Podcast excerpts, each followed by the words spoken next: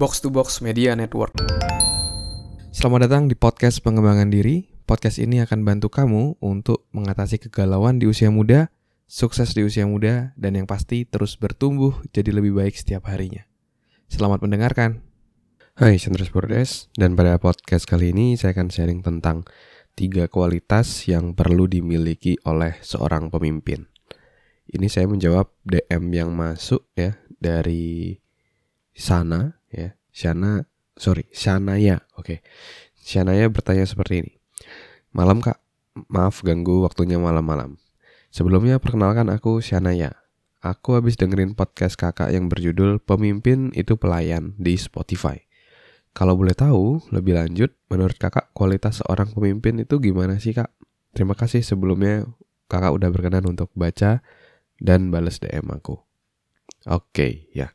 Jadi pertanyaan dari Shanaya adalah kualitas pemimpin itu seperti apa sih? Nah, untuk menjawab itu saya sudah merangkum ya ada tiga uh, kualitas kepemimpinan yang perlu dimiliki dan ini adalah hasil dari pembelajaran dan pengalaman saya dulu uh, pertama kali memimpin waktu itu tim basket ya ketika SMP ya, SMP kelas 3 sampai SMA waktu itu saya jadi uh, kapten ya terpilih menjadi seorang kapten dan di situ ada pengalaman lah dalam memimpin dalam uh, menggerakkan uh, tim saya untuk bisa jadi juara uh, di berbagai macam kejuaraan.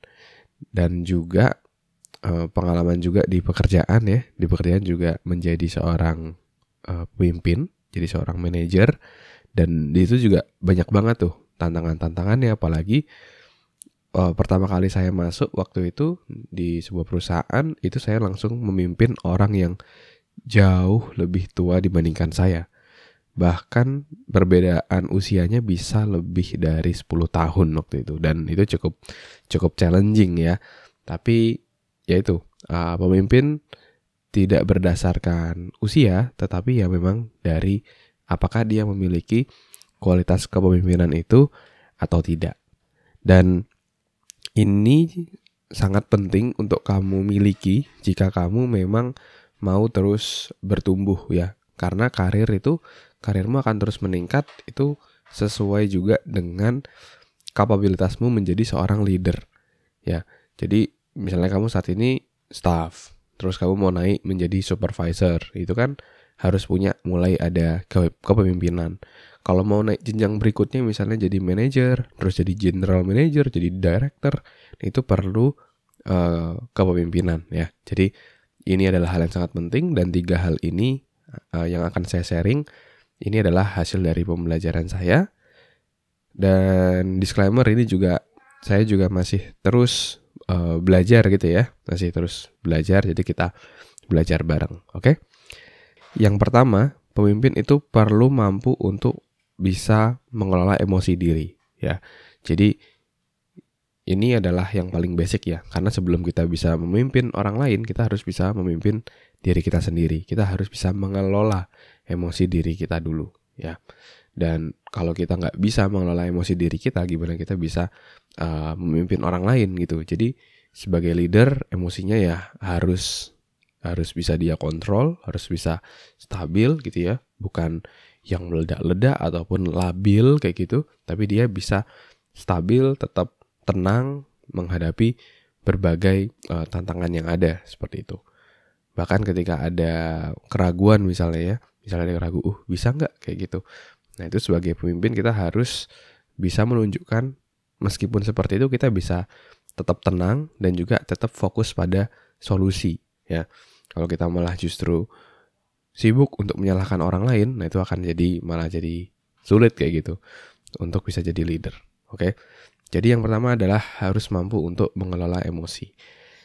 Lalu yang kedua, ya, seorang leader perlu nggak cuma fokus pada tugas, tetapi ada, tetapi juga pada orangnya. Ya, jadi pendekatan seorang leader itu ada dua. Uh, yang pertama adalah pendekatan tugas, yang kedua adalah pendekatan orangnya. Kalau pendekatan tugas itu maksudnya orang tersebut hanya fokus pada pekerjaan. Jadi dia ngobrol sama orang lain, baru diskusi sama orang lain, itu ketika hanya ada tugas saja. ketika ada mau ngasih tugas, bagi-bagi tugas, hanya hanya ngobrol ketika itu. Tapi seorang leader yang baik itu tidak cuma uh, fokus pada tugasnya harus selesai, tapi dia juga deket sama orangnya secara personal ya. Jadi dia jadi misalnya kamu punya tim gitu ya. Kamu ngobrol sama dia nggak cuma ketika ada tugas saja. Oh kamu harus ini, kamu harus ini, atau oh ada tugas ini kita bagi-baginya gimana. Tetapi harus secara personal pun kamu harus juga bisa mendekatkan diri. Kamu care sama dia, kamu kasih perhatian ya. Kamu mendengarkan ketika dia ada challenge segala macam. Terus uh, dia cerita misalnya tentang tentang keluarganya, tentang temennya, tentang perusahaan sebelumnya dan lain-lainnya.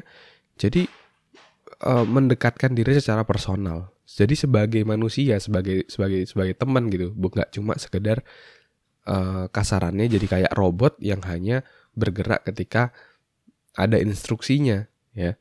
Tapi kita harus benar-benar memanusiakan uh, tim kita, benar-benar dekat, nggak cuma tugas, tetapi juga secara uh, personal kayak gitu, ya.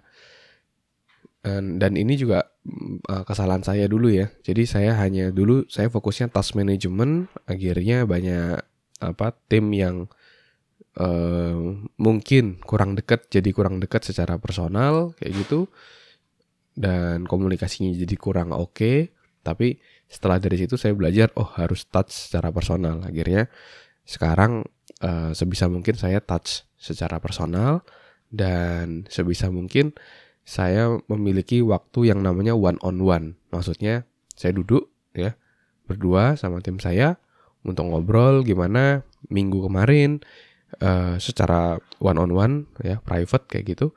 Terus apa tantangan selanjutnya, apa yang mesti mesti bisa diimprove, apa feedback untuk saya dan di kesempatan itu saya juga memberikan feedback untuk dia dan itu akan membuat secara personal lebih dekat kayak gitu. Nah, kesalahan saya dulu, saya meeting hanya grup meeting. Jadi secara besaran aja grup meeting, habis itu ya udah. Saya pikir itu cukup. Ternyata uh, ketika saya pelajari lagi dari buku ya, ternyata perlu ada yang namanya one on one karena ada begitu banyak informasi yang tidak keluar ketika di grup meeting. Tetapi ketika di one on one dia mau untuk mengutarakannya, ya. Oke. Okay. Itu yang kedua. Lalu yang ketiga adalah seorang leader harus punya satu yang namanya visi. Ya, dia harus tahu besarannya dia mau uh, ke mana, arahnya mau ke mana sih kayak gitu. Jadi seorang leader itu dia harus tahu arahnya ke mana. Dia nggak cuma fokus kepada operasional aja, tapi dia fokus kepada jangka panjangnya. Arahnya mau ke mana. Ya, jadi ibaratnya nih ya, kalau jadi ada leader, ada manager gitu, ya. Kita, saya pakai istilah itu. Ini saya belajar dari Stephen R. Covey ya di bukunya Seven Habits. Kalau leader itu, itu dia ngelihat ke depan arahnya ke mana. Tapi kalau manager dia mencari cara gimana bisa menyelesaikan sesuatu dengan lebih cepat, dengan lebih efisien dan dengan lebih efektif. Nah, itu adalah manager. Nah, kebanyakan orang ya ketika dia mau jadi leader dia terjebak dalam operasional dia uh, terjebak dalam operasional mengerjakan hal-hal operasional yang terlalu detail-detail kecil-kecil sehingga dia luput untuk melihat besaran jangka panjangnya. Ke depannya dia mau apa, arahnya ke mana, sudah benar atau belum, apa yang mesti diimprove dari. Jadi secara besarannya dia miss. Nah, jadi seorang leader itu um, harus memiliki visi, harus tetap mengacu ke gambaran besar. Dia lebih fokus ke sana. Ya, arahnya mau ke mana? Sudah benar belum? Jangan sampai semua udah kerja keras, tetapi salah jalan. Tetapi tujuannya salah. Pas udah sampai, loh, kok di sini kayak gitu. Nah, uh, leader adalah tugasnya menentukan tujuan tadi dan tetap fokus di sana.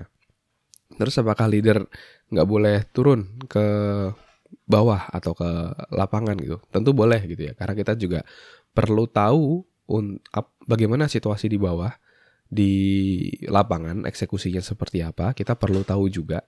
Tetapi setelah itu kamu harus naik lagi ke atas, harus ngelihat lagi visi secara besarannya seperti apa.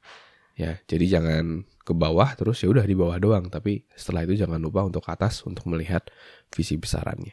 Ya. Itu dia tadi uh, tiga kualitas yang perlu dimiliki oleh seorang leader ya. Itu harus yang pertama harus bisa mengelola emosi diri yang kedua harus bisa fokus juga ke orangnya nggak cuma fokus ke tugas tapi fokus juga ke orangnya harus ada personal touch dan yang ketiga adalah harus punya visi ya harus melihat gambaran besar, tujuan besarnya apa, apakah sudah berjalan on the track atau belum. Ya, sesekali turun nggak apa-apa, tapi habis itu jangan lupa naik lagi untuk bisa ngelihat gambaran besar. Ya, dan ya ini kan uh, sharing knowledge ya, maksudnya saya sharing pengalaman dan pengetahuan saya. Dan berdasarkan pengalaman saya, kamu akan belajar lebih dalam itu kalau kamu langsung praktek ya. Jadi ketika kamu benar-benar praktek menjadi leader itu kamu akan uh, belajar lebih langsung lebih dalam ya jadi saran saya kamu bisa ambil kesempatan ketika ada kesempatan untuk menjadi seorang leader di organisasi atau di perusahaan atau di project-project tertentu kamu bisa ambil uh, tanggung jawab tersebut ya karena kamu mau berfokus untuk belajar dan meningkatkan kemampuan leadershipmu ya kamu bisa ambil di sana dan kalau misalnya ada uh, situasi di mana harus ambil keputusan, terus dirasa dari setiap orang di sana belum ada yang mau mengambil tanggung jawab menjadi seorang leader, kamu pun juga tidak masalah. Kamu uh, mengajukan diri atau berinisiatif untuk menjadi leader di sana, ya. Dan leader juga bukan dari posisi ya, tetapi dari bagaimana dia dia uh, membawakan diri dan bertindak seperti leader. Oke, okay? mungkin itu dulu sharing pada kali ini. Semoga bisa bermanfaat dan menginspirasi. Dan kalau kamu ada pertanyaan, jangan ragu-ragu. Kamu bisa DM saya di Instagram di @andresberdes. Nanti pertanyaan kamu akan saya bahas di podcast ini. Ya, jangan lupa kamu juga bisa share ya uh, podcast ini ke teman-teman terdekatmu. Kamu juga bisa share di Instastory. Jangan lupa di tag at Andreas Berdes. Nanti saya akan repost. Oke? Okay? Thank you semuanya. Sukses selalu. Never stop learning because life never stop teaching.